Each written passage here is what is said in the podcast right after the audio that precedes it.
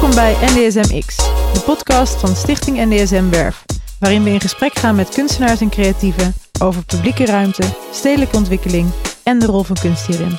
De aanleiding van deze reeks is het tienjarig bestaan van Stichting NDSM Werf, die het 10 hectare grote buitenterrein van de voormalige scheepswerf beheert en programmeert. Tijd voor reflectie en om vooruit te blikken naar de toekomst. Ik ben Eva Schijpes. En mijn naam is Erik Seleki. Welkom.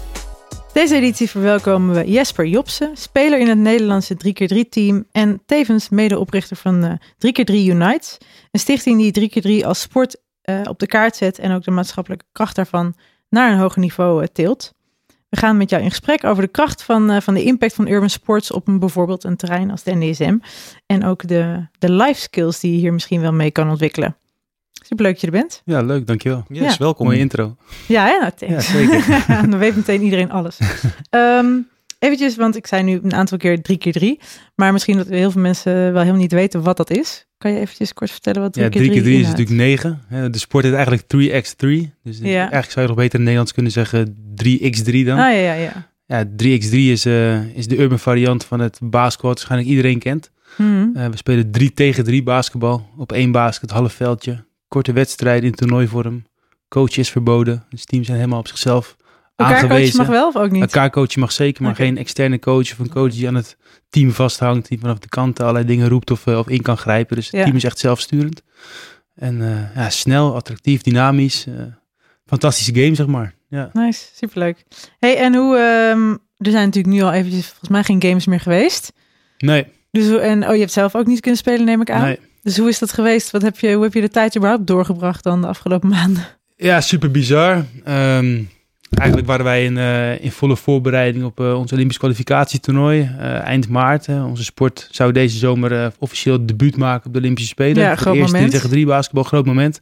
Dus eigenlijk waren we in topvorm en klaar om, om te gaan pieken.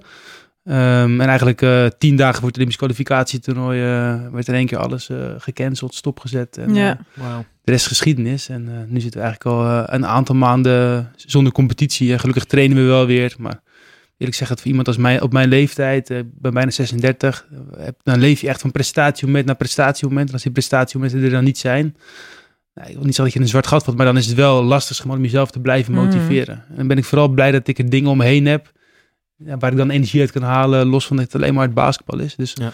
moeilijke tijd, andere kant een tijd waarin we uh, ja, allerlei alternatieven hebben kunnen bedenken en uh, als stichting onwijs zijn gaan groeien. Dus ja, het dubbel gevoel eigenlijk wel. Ja, ja. Ja. En nu begint het langzamerhand dan weer een beetje... Ja, nou, het is, ja, het, het, het, het, er is beweging. Hè, dus uh, de, de FIBA, de basketbal bond wereldwijd, maar die heeft vorige week een, een aantal toernooien gecommuniceerd en we hopen eigenlijk vanaf eind augustus te kunnen gaan spelen. Dat zou dan eerst Hongarije en dan Roemenië zijn. Een beetje een soort van gesloten bubbelsysteem Mm. om hem veilig te houden.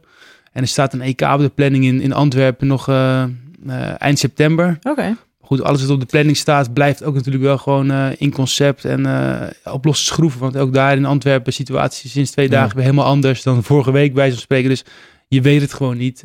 ja wordt ook van je verwacht dat je gewoon klaar bent op het moment dat je dat moet gaan gebeuren. Maar dus je moet eigenlijk hyper, hyper fit zijn om nou ja, elk moment ingezet wel, te worden. Ja, ja, maar dat is dus wel super lastig als je het nooit zeker weet dat het ook echt moet gaan gebeuren. Dus maar goed, weet je, het is niet alleen dat wij er last van hebben, daar hebben alle teams wereldwijd last van. Dus dat op zich zit je in hetzelfde schuitje. Iedereen wil heel graag spelen, maar iedereen mm. weet ook dat het ja, gewoon op dit moment een heel lastig verhaal is. Ja. Ja. ja. ja je mentaal preppen kan ik me voorstellen dat, dat nou, heb je toch even dat, dat uh, moment, uh, dat piekmoment nodig. Zeker, ja, ja, ja, absoluut. ja. Ja, dus de, de hunkeren we wel naar om echt gewoon weer het veld op te kunnen gaan en, en, en die, ja, die battles met andere teams aan te kunnen gaan. Maar het is gewoon echt, uh, ja, heel simpel gezegd, het is gewoon afwachten, je weet het niet. Ja. Mm -hmm. Waiting game. Zeker, ja. Cool. Ja, ja ik, ik, kan, ik, moet zeggen, ik, ik, het feit dat het dan toegelaten is tot, tot de Olympische Spelen, dat vind ik al wel echt een, een, een, ja, dat is wel heel, heel tof volgens mij. Ik kan me voorstellen dat de, de, het momentum voor basketbal nu lijkt heel groot te zijn. We hadden het net voor, voorafgaand al heel even over, uh, over de documentaire op Netflix over Michael Jordan. Het was natuurlijk een hele, voor heel veel mensen echt wel een, een positieve kennismaking. Um, maar ja, jij bent eigenlijk een soort van true original. En uh, ik wilde eigenlijk heel even terugduiken naar uh, het begin. Uh, je bent professioneel basketballer. maar wanneer is die, die liefde bij jou getriggerd eigenlijk voor basketbal? Nou, voor basketbal eigenlijk al is met de paplepel ingegoten. En mijn vader was geen topbasketballer, maar het zit wel echt in ons gezin. Dus van jongs af aan werd ik naar de sport al meegenomen. En, en was eigenlijk basketbal gewoon onderdeel van mijn leven. Mm. Zodra ik zeven jaar was, mocht ik volgens mij bij een team aansluiten. En toen uh, was ik ook gelijk daar en voelde de sport al ook eigenlijk wel als mijn tweede thuis. nou, best wel late leeftijd ontdekt, zoals je het in de sport dan zegt. Of in ieder geval de kans gekregen om, uh, om daar meer uit te gaan halen. Ik was 17 toen ik vanuit Zeeland, waar ik toen woonde, naar Zwolle verhuisde en mijn eerste profcontact kreeg. Wow. Um, is, dat, is dat, ja, dat is laat? Voor, ja, is wel laat. Of was dat je in ieder geval vanuit een club die eigenlijk niet zo heel veel zegt, zeg maar, dat je naar een, een opleidingsclub ja. gaat waar je gewoon in ieder geval harder gaat trainen, meer gaat trainen. Ik was ook best wel een laat bloeier hoor. Ik groeide pas laat. Ik was uh, denk ik tussen mijn 17 en mijn 20ste nog bijna 20 centimeter gegroeid. Dus oh ja? dan verander je ook als basketballer in, in korte tijd ook best wel snel. En ontstaan er ook andere perspectieven. Nou, best wel ja, oké okay carrière zeg maar, in de zaal gehad. Maar eigenlijk altijd wel tegen aangelopen dat ik voor mijn gevoel niet de kans kreeg zeg maar, die ik vond dat ik die verdiende of zo. Weet je? Vaak dat er nog een Amerikaanse speler voor me stond uh, op mijn positie. Oh, ja. Of dat ik vond dat ik gewoon meer kwaliteit had. Maar altijd een beperkte rol mocht spelen van, vanuit een coach uh, die dat bepaalde. Um, waardoor ik eigenlijk nou ja, rond mijn 28e voor mijn gevoel wel klaar mee was. Mm -hmm. En toen, uh, na geluk bij een ongeluk, kwam die zomer in één keer 3 tegen 3 om de hoek als zijnde de nieuwe sport, zeg maar, waar de, nou, de FIBA, de basketbond wereldwijd, maximale beelden gaan inzetten met als perspectief inderdaad Tokio 2020. Dus okay. toen nog vrij ver weg, want we zaten, toen zaten we in de zomer van 2014. En toen zocht eigenlijk de Nederlandse basketbalbond uh, een groep spelers, zeg maar, die wilden gaan pionieren en die, uh, ja, die mee wilden gaan doen op het eerste WK in Moskou. Toen dacht ik, weet je, ja, waarom niet? Ik ging naar die selectietraining toe en toen stond ik vier weken later stond ik op een WK voor het eerst met een oranje shirtje aan. Wauw. En toen, Bijna tweede carrière. ja, nou, toen verloren we alles. Dus we werden hopeloos laatste. En toen dacht ik, oké, okay, weet je wel, dit is wel een bijzondere ervaring. Maar ik wil je graag meer mee doen. Deze sport pakt me wel. Want nou, het feit dat je ja, korte wedstrijden speelt, hele andere setting, heel veel teams in verschillende landen. Dus je merkt dat iedereen aan het zoeken is naar wat werkt nou in deze sport. Andere Mm. teams waren veel verder. Maar er was eigenlijk niks in Nederland. Want we kwamen terug en er was geen programma, er waren geen clubs, geen community waarbij je je aan kon melden. Dus dacht ik, oké, dan moet ik het nu wel echt zelf gaan doen. Mm -hmm. Wat eigenlijk niet in mijn persoonlijkheid zat, maar op dat moment besloot ik wel, zeg maar, dat dan gewoon toch te gaan doen. Dus teamgenoten gaan zoeken. En toen begonnen we eigenlijk met een klein groepje begonnen we zelf te bouwen. Nou, ook wat, wat funding gezocht bij sponsoren die wel in ons geloofden. En waarbij we een overtuigend verhaal konden neerleggen. Konden een beetje de wereld over reizen. Vooral afkijken van andere teams. En we gingen steeds beter presteren. Totdat we in 2016 opnieuw voor Nederland uitkwamen op het EK. Ja. Nou, toen wonnen we voor het eerst aan een bronzen medaille. En toen maakten we wel iets los. Want opeens hadden we als eerste mannelijke basketbalploeg ooit voor Nederland een medaille op een mondiaal toernooi gewonnen. Ja, dat is echt was nooit eerder gebeurd. uh, Dus dat was echt wel een dingetje, zeg maar. En toen werden we ook opeens veel meer serieus genomen. Kregen we vanuit NOC en zelf allerlei kansen. En nou ja, die jaren erop hadden we in 2017, 2018 zilver op het WK. Dus hadden we echt wel uh, bijzondere momenten, zeg maar. Wow. Waarin we dus, nou, ons echt wel uh, nou, bizar hebben ontwikkeld. En dat was ook wel een realisatiemoment van... Oké, kijk dan waar je begint 2014 met niks. En in vier jaar tijd groei je echt naar een team van de wereldtop uit. En uh, ja, eigenlijk we het helemaal zelf ook gedaan. dus een beetje de, echt de hele sport natuurlijk op de kaart gezet. Zeker, ja. Want het is, je gaat eigenlijk van een, van een sport die veel mensen kennen, maar traditioneel basketbal, om het even zo te zeggen, naar de, de variant die basketbal is natuurlijk een urban sport, maar dan 3x3 is echt ook heel erg natuurlijk, uh, voor, ja, voor eigenlijk van, van de straat ook Zeker, uh, gekomen. Ja. Uh, dat is een heel, heel andere dynamiek volgens mij. Ja. Hoe, um, want hoe, wat is eigenlijk, ja, wat is het grootste verschil tussen die twee verschillende vormen, als je dat zou moeten, moeten duiden? Ja, los van de, de speltechnische uh, verschillen, zeg ja. maar. Hè, dus één basket, drie tegen drie, uh, korte wedstrijden, toernooivorm. Is het veel meer, is het, het grootste verschil is inderdaad wat je zegt, dat zelfs die zelfsturendheid, uh, als team eigenaarschap pakken, zeg maar, over een proces waar je met elkaar instapt. Hè, waarbij je alle ups en downs met elkaar doormaakt, maar ook met elkaar, zeg maar, weer ja, afscheid moet kunnen nemen van emoties die ontstaan. Weet mm -hmm. je wel? Dus als je de volgende stap wil maken in je ontwikkeling, dan kan je niet blijven hangen in het moment. En geloof me, 3 tegen 3, omdat je heel veel speelt, ga je ook heel veel tegenslag ervaren. Ja. Uh, je kan aan de andere kant van de wereld reizen, in Singapore komen en na twee potjes van 10 minuten kan je uit het toernooi liggen. En dan heb je dan, ja. weet je, ja, bij elkaar 20 uur in het vliegtuig reis, gezeten, weet je. En dan kan je, ja, en, en het kan zomaar zijn dat je de week erop weer in Canada zeg maar het volgende toernooi moet spelen. Dus dan heeft het niet heel veel zin om, om lang stil te blijven staan bij datgene wat mm niet lukt. Je moet met elkaar bouwen. Maar je moet ook elkaar heel duidelijk de waarheid kunnen blijven, kunnen, kunnen, kunnen spreken, zeg maar. Of tegen elkaar kunnen zeggen wat er aan de hand is en waar dingen aan liggen. Zodat je ook met elkaar, zeg maar, weer um, nou ja, de volgende stappen die doorontwikkeling kan ja. gaan maken. En het feit dat je, dus, dat je in zo'n teamproces belandt waarin iedereen alles tegen elkaar kan zeggen. Je ook van elkaar begrijpt hoe je in bepaalde situaties handelt of hoe je met bepaalde situaties omgaat. Dat kan accepteren van elkaar.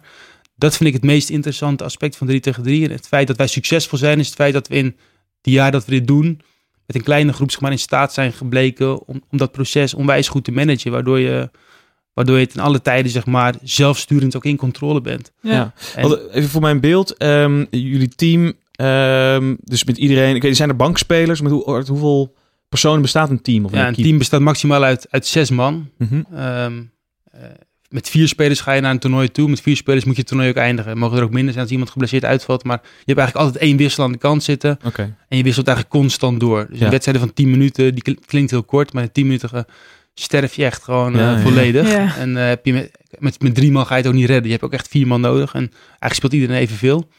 Maar omdat het een, zo'n intensief seizoen is, met zoveel reizen, kan je eigenlijk niet week in, week uit met hetzelfde virus. Je moet ook wel een soort Mm. van dynamiek gaan bedenken hoe je dat dan wisselt. Of, Ja. eh, En dat je in verschillende samenstellingen kan spelen. Maar met maximaal zes personen mag je eigenlijk een seizoen eh, uitspelen. Zeg maar. Ja. Er zijn gewoon internationale regels voor. Ja. Oké. En je hebt natuurlijk, want dit is natuurlijk eigenlijk ook jouw, jouw eigen carrière daarin, die is dus heel erg gegroeid binnen Ja. no time, om het maar zo te zeggen. Ehm, daar, volgens mij daaruit, uit die passie eigenlijk die, dan, die je daar gevonden hebt, is ook 3x3 Unites ontstaan. Ja. Wat, eh, een, ja, noem je het zelf een platform? Ik vond het platform wel ja, een mooie platform, term. community inderdaad. Weet je, Ja. ja, op papier zijn we een stichting, maar eh, Ja. we zijn voornamelijk een platform. Die dit ook zeg maar eigenlijk voor jongeren nu, eh, nu doet. Ja, nou ja, het is, het is vooral zeg maar, ehm, weet je, we, we hadden eigenlijk 2016 toen we voor het eerst een medaille halen, was voor het eerst ook het realisatiemoment van oké, weet je wel, wat we hebben gedaan is best wel uniek. Hè? Vanuit het niks eigenlijk gewoon puur door het, het zelf te gaan doen en zelf Ja. te bedenken. eh, nou ja, eigenlijk regie te pakken over je eigen succes. Mhm. En dat is eigenlijk de boodschap zeg maar, die we daarna als stichting zijn gaan uitdragen. Hoe kunnen we nou jongeren door middel van deze 3 tegen 3 sport meenemen in hoe ze regie kunnen pakken over hun eigen succes. Of hun eigen leven, kleinschalig, eh, groter perspectief bieden. Hmm. Hoe kunnen we nou jongeren nou, meenemen zeg maar, in het verhaal van deze sport? En hoe kan deze sport voor hun een middel zijn, waardoor ze zich aan de ene kant misschien als basketballer kunnen ontwikkelen, maar ook juist als mens eh, we allerlei kansen voor hun gaan creëren, maar ze vooral ook die kansen zelf gaan creëren. Ja. Ehm, en, en dat werkt, ja. Ja. Hoe, hoe ga je, de, hoe ga je de, de buurt in? Zeg maar? hoe, eh, hoe vind je de communities? Hoe vind je de kids? Nou ja, we begonnen ooit eh, met een eerste pilot in Amsterdam Zuidoost, eh, in de Belmer. En ehm, nou, we, eigenlijk, we wisten dat dat gewoon een, een stadsdeel was, een wijk was, waar gewoon heel veel rauw basketbaltalent zat. Eh, ik denk dat Mark en ik zeg maar eh, voor het eerst zeg maar, eh, daar de, zeg maar, de wijk in gingen. En eh, dat die jongeren later ook tegen ons zeiden, wie zijn deze twee witte mannen die ons Mhm. hier even komen gaan vertellen zeg maar, hoe we onze Oh, wijk ja. op het gebied van basketbal Ja. opnieuw gaan inrichten. Ja. Ehm, maar de eerste vraag die de jongeren ook aan ons stelden was op dat moment van, weet je, wat, wat gaan we eigenlijk doen, eh, Mark en Jesper? En wij zeiden eigenlijk, maar jullie gaan bepalen wat we gaan doen. En wij gaan gewoon zorgen dat we jullie dromen faciliteren. En we hadden een groep jongens, aan de ene kant vanuit de lokale vereniging, aan de andere kant vanuit sportbuurtwerk. En die jongeren gaven eigenlijk gelijk aan van, weet je, onze droom is om in deze wijk basketbal groter te maken dan straatvoetbal. Nou goed, weet je, dan is dat het idee. Wat is, en wat is er Wel dan meteen nodig? competitief, hè? Dat ja, is gelijk. Ja, competitief. weet je. Het is gelijk gewoon een hele mooie straight doelstelling, zeg maar. eh, ja, en ambitieus ook vooral. Ja. Ehm, en een van hun allereerste dromen was dat er een heel mooi 3 tegen 3 basketbal home zou komen. Zeg maar eigenlijk een veldje waar zij maximaal trots op zijn, waar zij over hadden mee nagedacht. En, en wat Ja. zij, dat zij zelf zouden gaan activeren. En ehm, nou, ik weet nog dat we in eerste instantie in een achtweeksproject, zeg maar, met hun een toernooi gingen organiseren in hun eigen wijk. Nou, dat hadden ze helemaal voor elkaar. En toen hebben we een- met die jongeren samen een presentatie gegeven bij de mensen van het stadsdeel. Hun ervan overtuigd dat nou, de 3 tegen 3 basketbal in de community een onwijze potentie in het stadsdeel had. En eh, ja, toen ging het eigenlijk rollen. Toen ging dat veld, eh, kregen we allerlei plannen, gingen we daarvoor maken. Is uiteindelijk ook gerealiseerd, een half jaar later. En welk En, jaar eh, zitten we nu ongeveer? Ja, zitten we in eh 2017, denk Oh, ik. ja. Ja. Mhm. ja. Ja. En, eh, en toen zijn we eigenlijk door gaan groeien in, de- in de gemeente Amsterdam. Haakten de andere stadsdelen aan.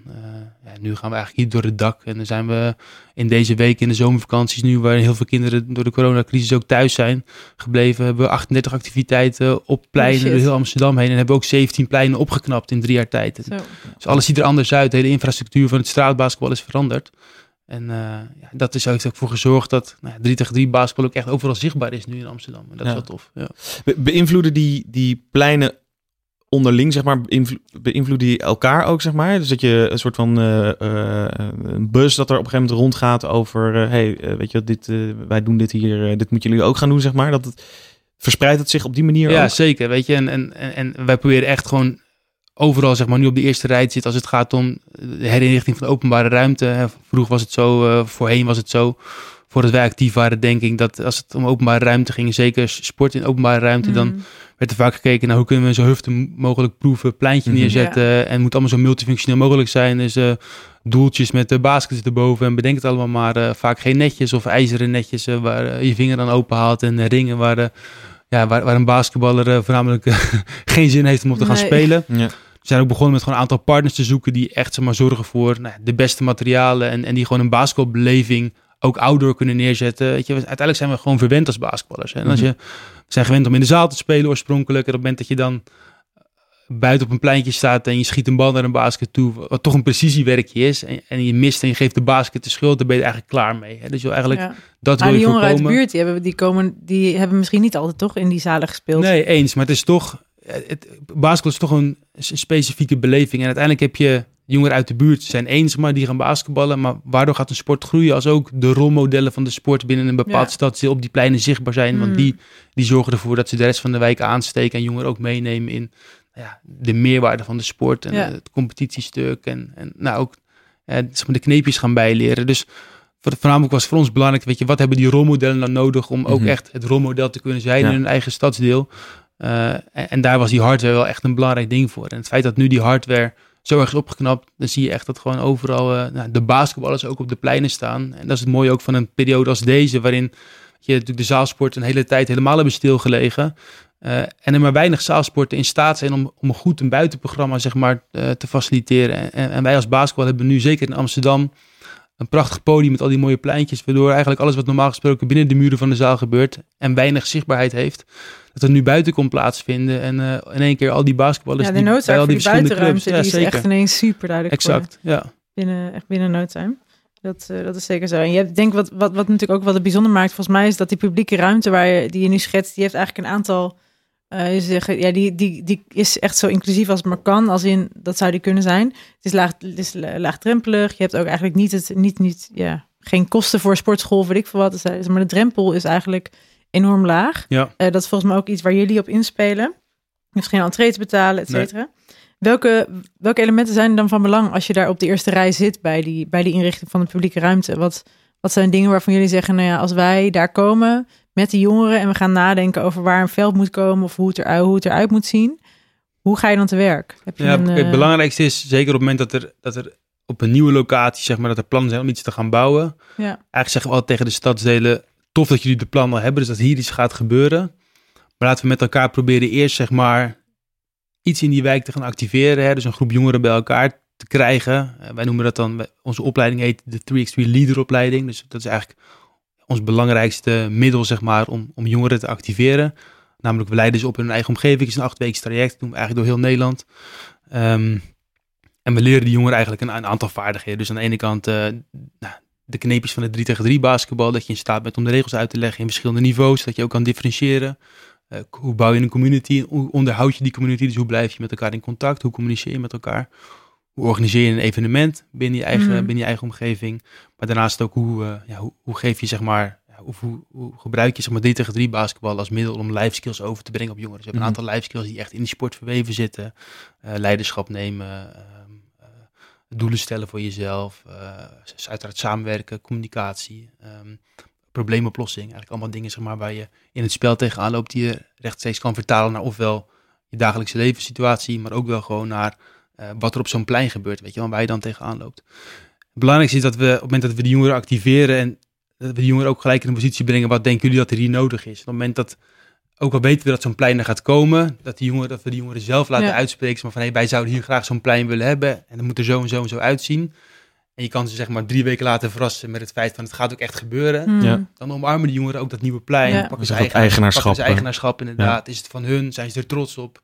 En gaan ze er ook veel harder voor lopen, zeg maar, om het ook een succesvol plein te laten worden, zeg maar, waar dus van alles gaat gebeuren. En er, ja, eh, waar zij ze ook voor zijn gevoel dan een hele belangrijke meerwaarde, zeg maar, in eh, aan toevoegen. Ja. Ja. ja. Want zo'n community bouwen, eh, dat klinkt, of ja, zeg maar, een community bouwen is een zin en dat klinkt heel makkelijk dan. Maar volgens mij echt communities levendig houden en zorgen dat, eh, dat, ieder, dat veel mensen zich daar welkom voelen. eh, dat je inderdaad contact houdt. Volgens mij is dat, dan, dat is echt wel, echt wel een ding. Dat is Nee, helemaal dat, niet dat, makkelijk. dat is zeker een ding. En, en eigenlijk heel simpel gezegd zijn wij ook niet de specialisten. Dat zijn echt de jongeren zelf die daar specialisten in zijn.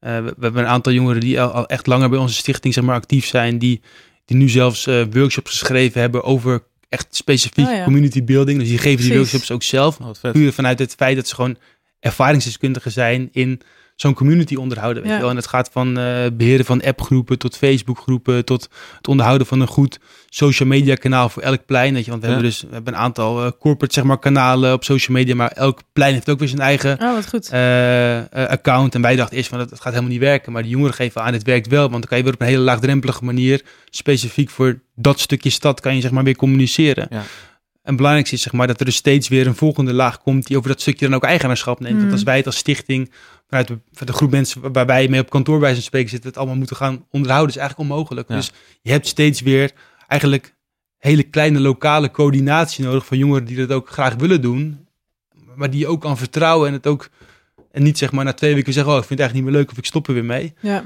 Hoe, Ehm, hoe, hoe ehm, verzeker je dat, zeg maar? Want dat kan ik me inderdaad voorstellen dat, dat, eh, daar, daar, hè, dat de klad erin komt. Dat, Ja. dat, eh, dat is een, kan me voorstellen dat dat dan angst is. En ehm, ehm, ja, dat je dat, dat, dat eigenaarschap, dat dat ook wordt overgedragen, zeg maar. Nou ja, ik denk het belangrijkste waar wij het verschillen maken is dat we ten alle tijden aangeven, weet je, ehm, we geloven niet zozeer in, in vrijwilligerswerk, wat je bij vere- verenigingen ziet. We geloven gewoon, weet je, we willen ook gewoon zoveel mogelijk jongeren een, bijbaantje bieden. Want uiteindelijk, gewoon als je iemand een bijbaantje biedt en je betaalt iemand, daar komt gewoon een bepaald commitment uit voort. Ja. Eh, en ik vind ook dat het heel logisch is, zeg maar, op het moment dat je iets doet, zeg maar, waar je eh, gepassioneerd voor bent en je werkt er hard voor, dan hoor je er ook gewoon voor beloond te worden. Net zoals je ook beloond wordt als je bij Albert Heijn werkt. Eh, op dit moment hebben we denk ik wel, eh, in, in deze zes weken hebben we 60, 70 jongeren in Amsterdam gewoon een zomerbaantje kunnen bieden. Wow. Waarbij ze gewoon ja, drie tegen drie Ja. basketbal zeg maar in de stad promoten Ja. en met jongeren aan de slag gaan. Weet je? Dus dat is voor die jongeren ook gewoon een droomzomerbaantje. Dat is iets Zeker. Ja. wat bij hun passie ligt. En daar we alle tijden voor, zowel binnen onze subsidieaanvragen bij de gemeente, maar ook met, de, eh, met sponsoren met die we samenwerken of een aantal zeg maar, private organisaties die geld in onze eh, stichting stoppen. Weet je, daar wordt het gewoon ook voor gebruikt voor een groot gedeelte. Mhm. Gewoon jongeren aan het werk krijgen.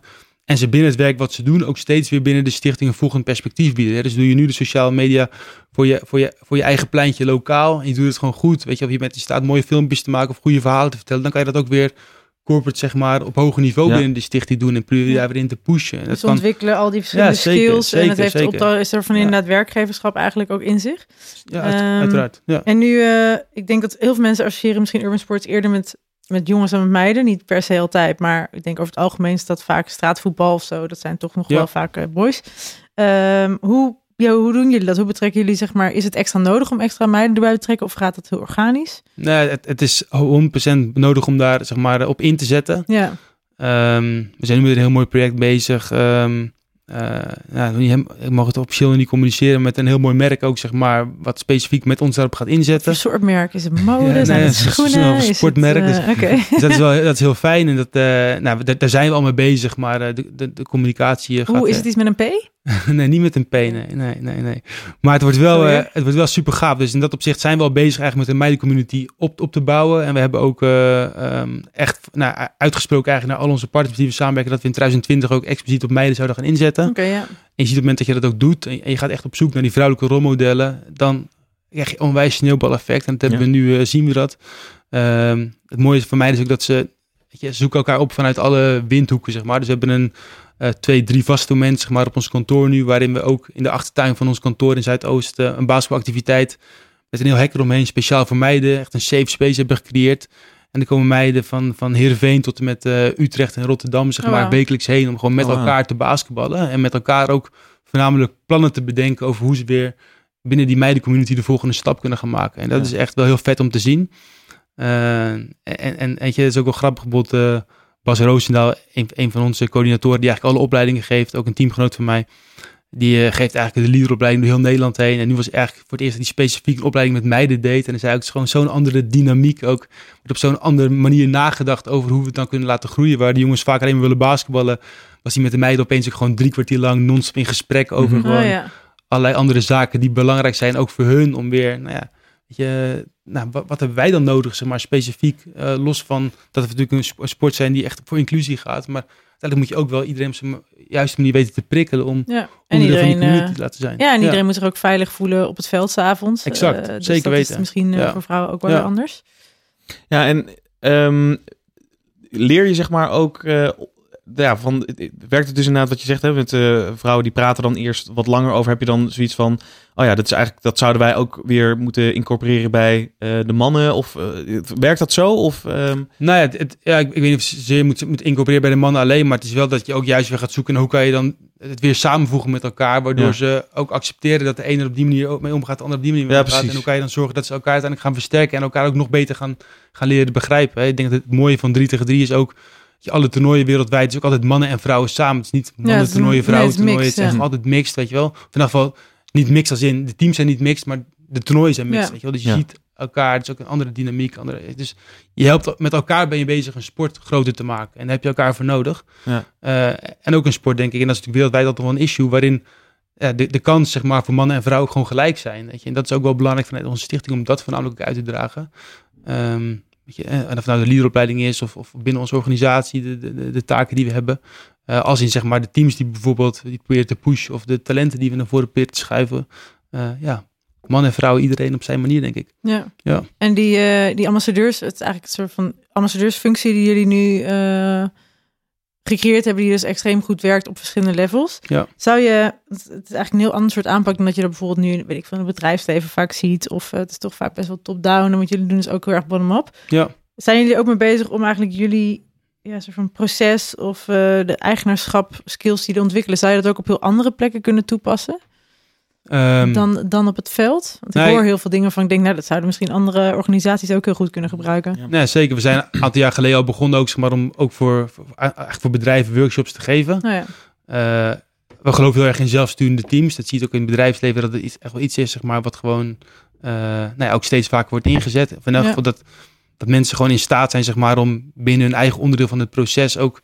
Uh, ja, leer maar eens om, om, om, trots te zijn, zeg maar, datgene wat je dan zelf creëert. Weet je wel, vaak zijn mensen niet eens bewust van wat ze zelf creëren of welk verschil ze binnen hun eigen organisatie maken. Mm -hmm. um, maar ook puur, weet je, hoe ga je om zeg maar, met elkaars emoties? Iedereen in, in een kantoorsetting is anders, maar uh, als je uitgaat van iedereen's kracht, zeg maar, dan ontstaan er vaak veel meer mogelijkheden en veel interessantere samenwerkingen. Dus ik denk ook het verhaal van wat wij als team hebben, door, hebben doorgemaakt, eigenlijk is ook iets wat wij aan jongeren vertellen. Hmm. Waardoor ze leren, zeg maar, dat ze, ja, als ze elkaar bepaalde emoties van elkaar accepteren, dat ze ook daardoor uiteindelijk tot, tot veel mooiere dingen in staat zijn. Maar het geldt voor het bedrijfsleven exact hetzelfde. Dus ik denk dat er heel veel, uh, je ziet wel eens vaker dat topsporters proberen, zeg maar, de link te leggen tussen hun topsportbestaan uh, en bijvoorbeeld het bedrijfsleven. Ik denk dat, weet dat roep ik vaker.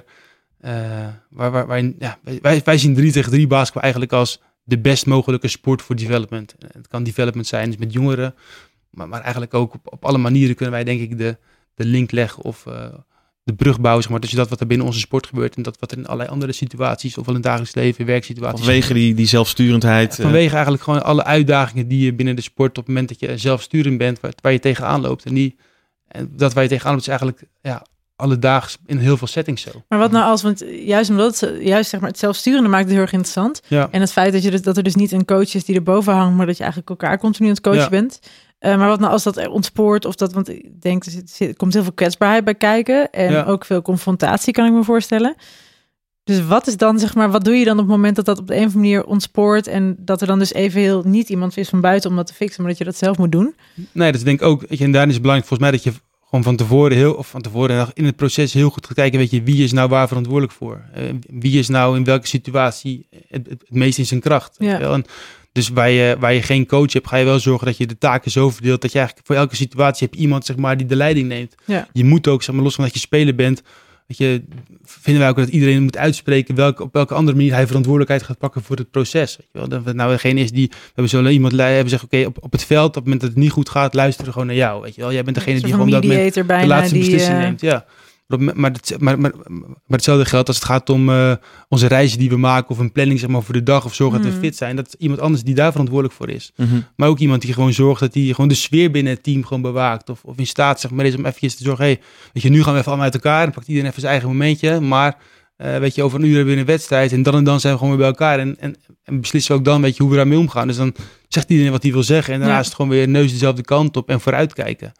Ehm, Een vibe manager. ja, Ja. ja. weet je, dus daarin kan iedereen weer op zijn manier zeg maar, een soort van leiding, leidinggevende functie pakken. Eh, maar blijf je met elkaar verantwoordelijk over het totale proces. Ja, heel mooi. Ja, inderdaad die, die soort van software, hardware, het komt allemaal samen dan en dan heb je ook nog al die verschillende karakters Waar je Ja. dan eh, eigenlijk het beste van benut als het Ja. dus zo, zo lukt. Ja, en dat is Ja. dat je het mooie is dat toen, toen zeg maar eh, die, die coronacrisis inklapt, ook binnen onze stichting, zeg maar, we, ja, wat natuurlijk wel heel veel activiteit hadden we lopen.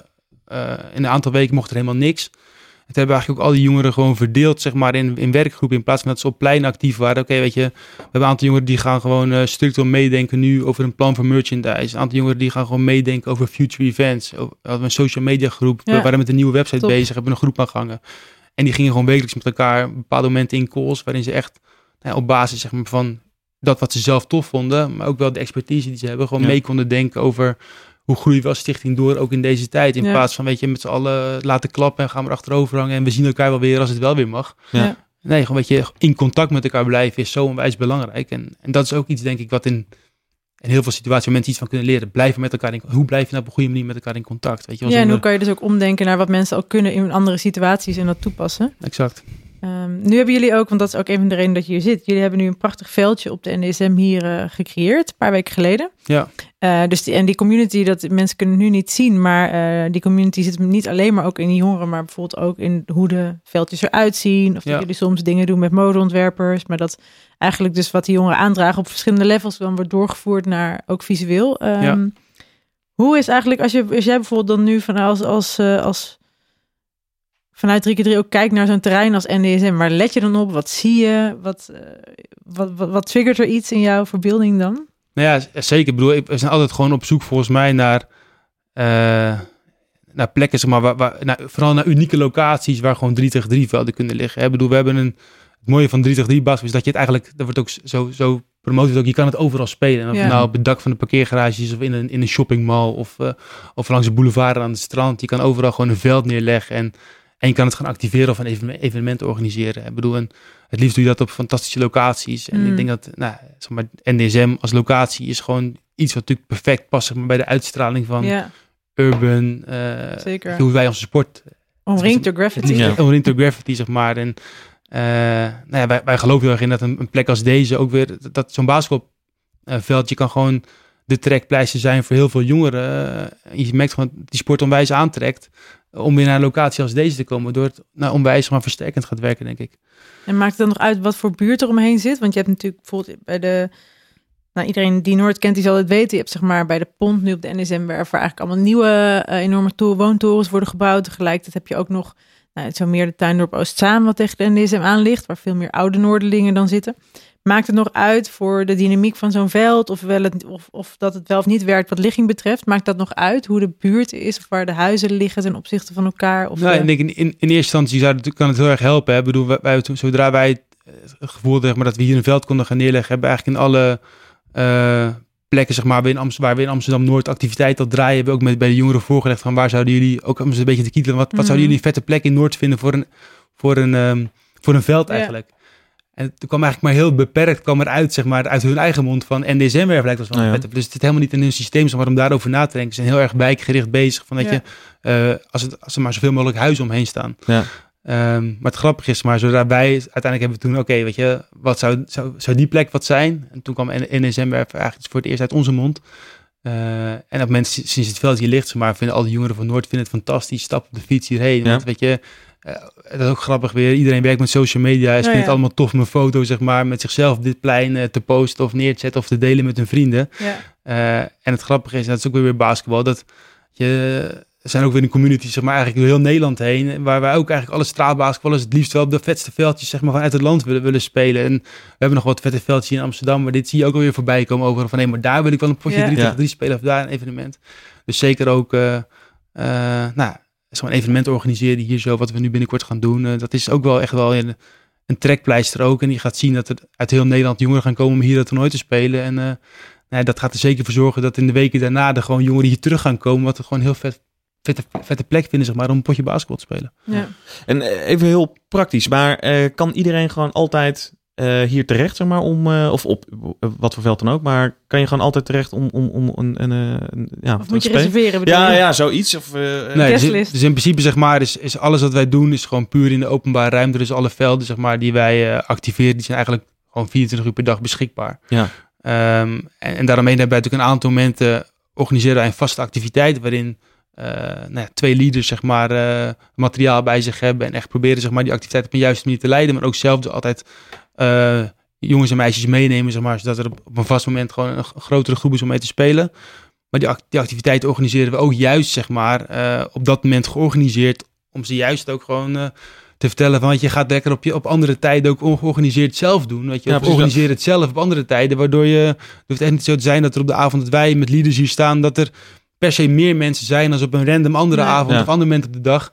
Waar de jongeren het gewoon zelf kunnen organiseren. Het gaat er ook juist om dat we een plek activeren en jongeren laten zien, hey, weet je, op deze plek kan je gewoon heel vet 3 tegen 3 basketbal Ja. spelen. Dus kom hier vooral de hele dag door, weet je. Ja. Want het zijn er inderdaad bijvoorbeeld ook echt teams die, waarvan jullie bij wijze van spreken niet eens weten dat ze bestaan, zeg maar. Die, eh, hè, dat, dat het gewoon, eh, dat er al, dat het eigenlijk gewoon al, oh shit, mijn microfoon. Erik's microfoon die laat ineens los voor de mensen thuis. Viel op je. Ik denk dat hij het nog wel Ja. doet. Ah, je hebt hem alweer gefixt. Jij, je dat Ah, dat heb je heel netjes gedaan. Moet gezegd Ja. worden. Oh, wacht. Oké. Maar inderdaad, dus ja, of, er, of, of, je, of je enig weet hebt van wie dan zo op het veld is. Of dat het inderdaad ook hele random communities kan zijn. Of mensen, groepen, groepen kids die je eigenlijk niet eens kent. Nou ja, we proberen natuurlijk zoveel mogelijk in kaart te brengen dan wie die jongeren zijn. We willen ze natuurlijk eigenlijk, eigenlijk ook ben- proberen te benaderen en, en in contact met ze blijven voor alles wat we organiseren. Eh, dus zeker op het moment dat de leaders er zijn, die houden echt alle data bij, ook van de jongeren die daar komen. Uiteraard gewoon met de vraag of ze dat, zo, of ze dat willen, maar we hebben alle Mhm. namen, weten waar ze vandaan komen. En die, al die teams hebben ook namen en zo, moet ik me dat ja, zo zeker. Ja, ja, ja, ja. Shirtjes, dat soort dingen Nee, is het. Ja, dus proberen ze allemaal wel maar, in. alles. eh, ja, en daar proberen ze ook wel in te ondersteunen. Dus als, als, als jongeren er bij ons komen van hey, we zouden graag een team willen zijn en kunnen jullie ons helpen, zeg maar, om te kijken waar we dan vaker toernooien kunnen spelen. En proberen we die, altijd die jongeren zeg maar, Ja. te pushen en ze op weg te helpen, zeg maar, om ook zo'n ja, zelfsturend team te worden. Ja. Eh, en ook te kijken met hun, zeg maar, waar we eventueel basketbal technisch nog kunnen toevoegen, zeg maar, om ze, om ze verder op weg te helpen. Ja, Ja, vet. juist, zeker. En eh, ja, ja, ja ik, ik vind het echt ik vind het fascinerend hoor. Ik, ik, maar gewoon, ik zit aan te denken van, eh, gaat het, dus, maar gaat het hier bijvoorbeeld dan ook nog over eten en dat soort dingen, weet je wel? Dat je, stomen jullie ze ook klaar voor de top, zeg maar? Eh, Kijk, u- Uiteindelijk gezondheid eten van ja, ja, ja, eh, ja, eiwit, eh, Ja, en shakes sporten, en dat soort dingen. eh, Nou, ik denk dat het- conditietrainingen Kijk, en zo. een van de unieke dingen zeg maar is dat, dat wij, eh, eh, omdat, omdat ik het ooit begonnen ben, denk ik, samen met Mark. eh, en ik op dat moment al ja, onderdeel was van het nationaal team. Eh, iedereen die onderdeel is van het nationaal team, mijn teamgenoot, eh, de volgende lichting, probeer ze allemaal mee te nemen in het verhaal van deze stichting. Want ik geloof heel erg in de meerwaarde dat we vanuit gewoon de top van, van deze sport in Nederland eh, de rol ook op ons nemen, zeg maar, om, om Hmm. jongeren te laten realiseren zeg maar, wat, de- wat deze sport voor, voor waarde kan hebben. Zeg maar, Ja. En iets kan toevoegen aan jouw leven. Dus in dat opzicht zijn we ook ten alle tijden gewoon bereikbaar. Weet je wel. We, we stellen ons allemaal heel laagdrempelig op. Ja. We proberen jongeren overal tips te geven, daar waar mogelijk. Maar het, moet wel, het is ook wel een bepaalde vorm van vraaggestuurdheid. Weet je wel. Dus niet dat we iemand gaan verplichten om zijn levensstijl aan te passen. Maar op het moment dat je ervoor open staat en, en dat laat merken, zeg maar, ons, dan gaan Mhm. we met je in gesprek en kijken we of je kunnen helpen, zeg maar, om, eh, Ja. om de volgende stap ook te maken als basketballer. Eh, eh, sommige jongens willen heel, die komen erachter, hey, weet je, ja, durven de stap op een, een of andere manier te gaan nemen om zelf te gaan ondernemen. Weet je, wij hebben ook die ervaring en weten hoe we dat ooit hebben bedacht en, en gestart. Dus als we jongeren verder kunnen helpen met het starten van een klein bedrijfje of de zorg, hey, weet je, op het gebied van social media voeg je voor ons zoveel toe. Weet je, start een, eh, een kleine VOF of, Mhm. of, of, of, of, of, of, of ga ZZP'er aan de slag. En wij proberen niet alleen maar te zorgen dat je bij ons social media werk kan doen, maar we gaan ook kijken zeg maar, binnen ons netwerk of je dat eventueel voor andere partners ook zou kunnen gaan doen. En, en zo ontstaan er in Eigenlijk een allround life coach tijd echt hele mooie dingen, zeg maar. Ja, Ja, op en alle het zorgt, gebieden. precies, en het zorgt er ook voor dat aan je kant die jongeren aan je blijft binden, omdat je ze vanuit onze organisatie een perspectief biedt, maar ze ook een breder perspectief nog kan bieden. En het zorgt er ook voor dat de jongeren uiteindelijk weer andere jongeren naar onze organisatie toe Ja. trekken. En dat is volgens mij echt het community gevoel. Dat je dit in alle tijden voor elkaar bent en met elkaar zorgt ook dat dat geheel groter wordt, maar ook met elkaar door hebt, zeg maar, wat eh, ja, de totale meerwaarde van zo'n project is. Weet je. Ja. Ja. Ja. Volgens mij moeten we een beetje gaan afsluiten. Ja, ja super Eh, interessant. Maar dus, Nee, ik wil blijven helemaal praten, niet omdat we niet hier nog graag uren zouden willen zitten, maar omdat het nou eenmaal gewoon zo is. Ja. Ehm, trouwens, overigens even, volgens mij, eh, er is hier ook een boek van, toch? Waar heel erg wezenlijke tips en zo in staan. Ja, ja, we hebben ja, twee jaar geleden hebben we vanuit een, een- Erasmus Plus eh, funding, zeg maar, vanuit, vanuit Europa hebben we eh, met een aantal andere straatsportorganisaties vanuit, vanuit verschillende landen, Ja. Denemarken, Libanon, eh, hebben we echt een methodiek ontwikkeld, zeg maar, waarin we echt uitgebreid eh, vertellen zeg maar, over waarom wij 3 tegen 3 basketbal als de sport voor development zien. Dus als mensen dat dan heel boeiend vinden, waar kunnen ze dat dan vinden? Op onze website www.3x3unites.com. Kijk, dan moeten we Ja. allemaal massaal daarheen. Want Zeker. volgens mij, eh, ik denk dat heel veel mensen hier nog veel meer over willen weten. Ja. En daar staat in ieder geval ook heel erg veel in. Ja. Dus dat is een goed begin. Ja, en dan inderdaad eigenlijk om, om een beetje af te sluiten wat we... eh, eigenlijk nog twee vragen, denk ik. Eh, we hadden het net al even kort over eh, een, iets wat, eh, wat dit weekend gaat plaatsvinden. Kun je daar nog iets eh, over vertellen? Kunnen mensen daar nog aan deelnemen? Hoe, Ja, zeker. Nou, weet je, wij aankomend weekend hebben we voor het eerst weer een, een groot 3 tegen 3 basketbal-evenement. Gaan we hier op het NDCMWF organiseren samen met de Nederlandse Basketbalbond. Nou, sinds maart ligt alles stil en nu is eigenlijk het eerste officiële evenement weer in Nederland. En gaat hier plaatsvinden. Tot nu toe 42 teams. Hele Zo. dag door basketbal. Dus het wordt echt eh, een feestje, weet je, live muziek, eh, DJ's, eh, bedenk het. Dus dat wordt echt wel een toffe sfeer. Mooi weer wordt het ook.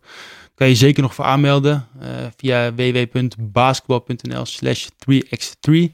Als je het tof vindt. en als je niet wil spelen, kom zeker langs. Want het is gewoon de vibe die om het evenement Ja. heen hangt, zeg maar. Die het al voor iedereen een toffe ervaring gaat laten zijn. Nou ja, en wij, ja, weet je, als stichting gewoon belangrijk dat we weer een, een bijdrage kunnen leveren in het opnieuw opstarten van die sport. Want zo zien het wel een klein beetje. En eh, nou ja, hopelijk eh, is dit zeg maar eh, het begin weer van vele mooie evenementen Ja. die eh, gaan volgen. Weer het ja. veld op. Ja. Ja, heel cool. En ehm, ja, een afsluitende vraag die we meestal st- eigenlijk aan al onze gasten stellen is: ehm, ja, welke rituelen, eh, gewoontes, podcasts of boeken zou je mensen aanraden om eh, in deze tijd een, eh, een positieve mindset te houden? Ja, weet je, ik ben ik, waar ik een beetje op terugkom is, ehm, of op terugkom, je merkt al als mijn verhaal, weet je, eigenlijk mijn hele leven draait om, is een basketbal ingericht. Dus ik, eh, ehm, ik ben als speler natuurlijk gewoon super actief. Ik probeer mezelf fit te houden nog om het maximaal eruit te halen. De stichting is eigenlijk alles wat eruit voorvloeit en proberen we zoveel mogelijk vanuit die sport ook de juiste impact te maken. Dus ik heb wel geleerd ook, zeker ook de laatste jaren, om, eh, om dingen te zoeken, zeg maar, die juist buiten het basketbal liggen, zeg maar, waardoor ik Hmm. soms eventjes gewoon terug naar de basis kan, eventjes kan ontspannen. Dus ik, eh, ik, ik kan allerlei dingen adviseren, maar wat ik echt, wat ik echt kunnen adviseren is gewoon eh, af en toe even lekker in de tuin te werken als je die hebt of een balkonnetje. Dat is echt iets dat mij maximale rust Oh ja, geeft. goed. En daar kan ik echt soms eventjes helemaal mijn hoofd van leegmaken, waardoor ik ook weer nieuwe ideeën kan gaan bedenken. Aan de ene kant hoe we als team verder kunnen groeien, maar ook als stichting. Dus ik ben echt, eh, ik heb geleerd ook echt van, gewoon, ja, los van het basketballen buiten, gewoon echt eh, buiten de actie, ja, daarvan eh, te kunnen genieten. Mhm. En dat is voor mij wel iets is wat ik in de afgelopen jaren de rust brengt, zeg maar, buiten alle hectiek die, die basketbal met zich meebrengt om. Ja. Ja. Lekker met Ja. je handen in het zand. Zeker, In de aarde. ja, ja, ja. Goeie tip. ja, thanks. Mijn tip, yes, Ja. zeker. Ja, nou ja, ik eh, merk ook inderdaad dat het tuinieren, dat dat... eh, Echt fantastisch. Echt eh, nieuwe dimensies eh, zijn opengegaan vanwege tuinieren door mij. Ja. Echt eh, prachtig. nou, super cool. Dankjewel eh voor, voor je komst. Graag gedaan. En eh, ja, voor al je inzichten. En we komen kijken zaterdag. Ja, Leuk. zeker. En eh, ook aan de luisteraars, dank dat jullie weer geluisterd hebben naar NDSMX. En vond je dit tof en wil je hier meer van horen? Abonneer je dan op onze podcast via Soundcloud, Spotify of Apple Podcast. En heb je nog ideeën of opmerkingen, dan kan je dat ons laten weten via redactie.ndsm.nl. Tot de volgende keer.